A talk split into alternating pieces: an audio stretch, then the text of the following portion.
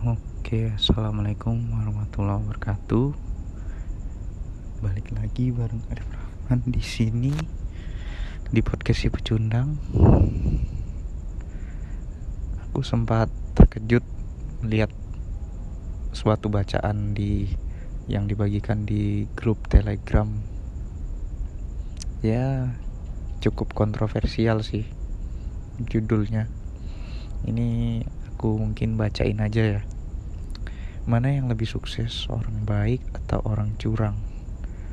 Pernah nggak Anda merenung soal ini? Kira-kira lebih sukses mana ya orang yang curang apa orang yang baik? Lebih tajir mana orang yang curang atau orang yang jujur atau sering ngalah? Di dalam buku Barking Up the Wrong Tree, Adam Grant, seorang profesor dari Wharton School melakukan research panjang tentang ini dia membandingkan nasib orang-orang yang disebut givers atau pemberi atau jujur dengan takers atau pengambil atau egois atau curang. Dari daftar panjang orang-orang yang dia teliti yang pertama kali dilihat adalah siapa yang ada di bagian terbawah dalam ranking penghasilan dan kesuksesan. Ternyata yang paling bawah adalah para givers. What? Menyakitkan sekali kan data ini di mana keadilan Tuhan? Kok orang-orang baik malah lebih jelek nasibnya dibandingkan orang-orang yang curang?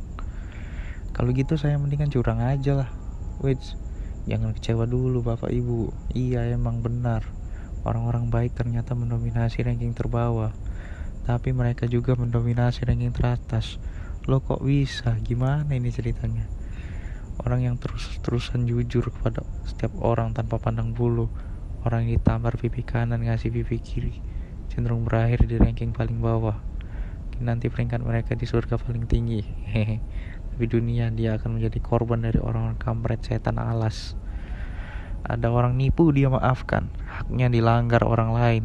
Dia mengikhlaskan, ditipu lagi, ikhlas lagi. Kalau dia tidak merubah polanya, kecurangan orang lain akan terus berdatangan kepada dia. Mereka akan menjadi korban eksploitasi orang lain. Seperti itulah kejadiannya kenapa mereka berakhir di urutan paling bawah. Orang jujur yang ada di bagian paling atas gayanya beda. Mereka menerapkan prinsip tit for tat. Sikap awal mereka selalu baik dan jujur. Tapi kalau ada orang yang curang kepada mereka, mereka akan menghukum balik. Minimal dia tidak mau lagi berurusan sama orang-orang itu. Orang-orang yang curang tadi mereka blacklist mereka kontak rekan-rekannya untuk tidak berbisnis dengan orang tersebut. Dan mereka menyerang balik sampai orang ini kapok. Ya kalau bahasa betawinya lo gue lo jual gue beli. Kalau lo baik baik. Kalau lo kampret gue kampretin balik sampai hancur. Sikap ini menyetop kejatuhan mereka saat dicurangi orang lain. Di sisi lain sikap ini membuat orang lain tidak berani lagi main-main sama dia. Orang benar-benar kapok membuat kekacauan dengan orang ini. Di sisi lain, orang sangat hormat dengan mereka karena sikap dasar orang ini selalu jujur. Menjadi takers atau orang curang memang menguntungkan untuk jangka pendek. Kesuksesannya naik cepat, kekayaan naik segera. Tapi setelah itu udah gak banyak yang mau urusan lagi sama dia. Semakin lama makin banyak orang yang kapok sama dia. Untuk menjadi yang tersukses kita butuh keuntungan yang datang terus menerus. Caranya bagaimana? Caranya cuma satu. Dari waktu ke waktu kita semakin dipercaya orang lain.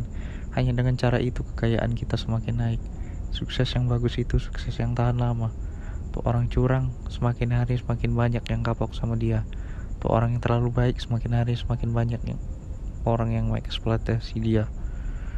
Untuk orang yang seimbang balik ke orang baik dan jahat ke orang jahat semakin hari semakin banyak orang yang percaya sama dia semakin banyak juga orang yang kapok main curang sama dia.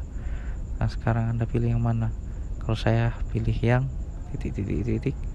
Afrik Was Iso penulis buku semua bisa diatur.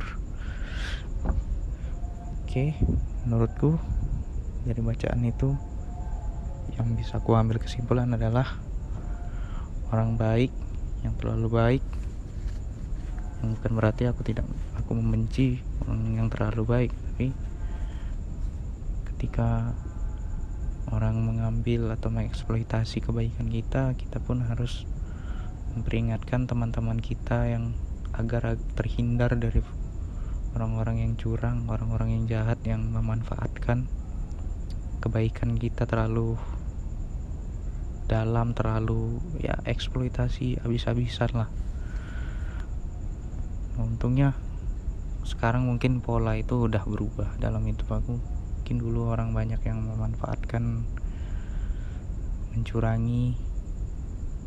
Alhamdulillah pola itu mulai perlahan-lahan teratasi. Ya mungkin tulisan ini sempat menyelamatkan lah. Sempat juga jadi pemikiran-pemikiran ketika dulu sempat terombang ambing dalam kegelapan jati mencarian jati diri dulu-dulu itu sempat